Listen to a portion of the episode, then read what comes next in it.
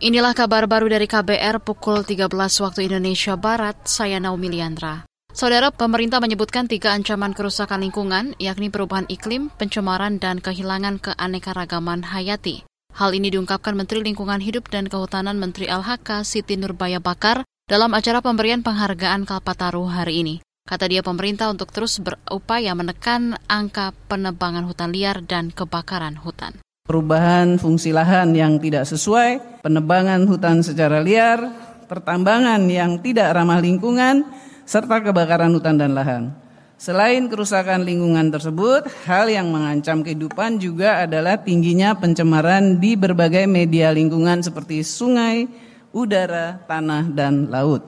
Itu tadi Menteri LHK Siti Nurbaya Bakar. Pada Mei lalu, Presiden Indonesia Joko Widodo menginstruksikan penindakan tegas terhadap penebangan liar. Itu disampaikan karena tingginya kasus deforestasi di Indonesia. Presiden juga memerintahkan Menteri LHK Siti Nurbaya sebagai pemimpin gugus tugas yang baru untuk menyelidiki dan menuntut kasus pembalakan liar. Kementerian Kesehatan mencatat mayoritas jemaah haji yang sakit di kloter mengalami fatik atau kelelahan.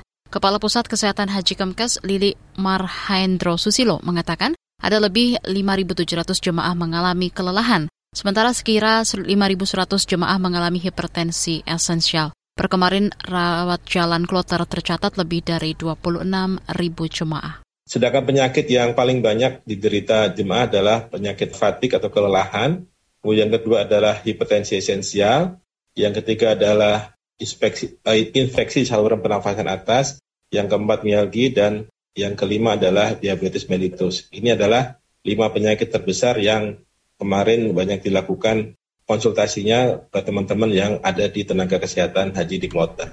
Lili Marhaendro Susilo menambahkan ada seratusan ton atau lebih dari 6.300 koli obat telah tiba di Arab Saudi sejak 12 Mei 2023. Obat itu didistribusikan ke daerah kerja Mekah dan Madinah pada 21 Mei 2023 untuk pelayanan obat dan perbekalan kesehatan.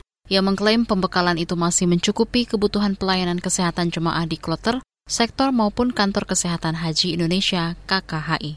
Beralih ke informasi pemilu, Koalisi Perubahan segera mengumumkan bakal nama calon presiden dan bakal calon wakil presiden yang maju pada pemilihan presiden 2024. Juri bicara DPP Partai Demokrat Herzaki Mahendra Putra yakin nama-nama yang diumumkan nanti akan mengejutkan banyak pihak termasuk koalisi lain. Menurutnya figur yang diusung merupakan aspirasi dari masyarakat. Namun Herzaki enggan membocorkan nama sosok tersebut, termasuk kemungkinan Agus Harimurti Yudhoyono AHY untuk mendampingi Anies Baswedan.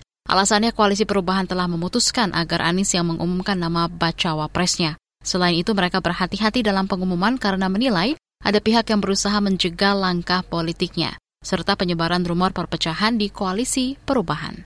Demikian kabar baru, saya Naomi Liandra.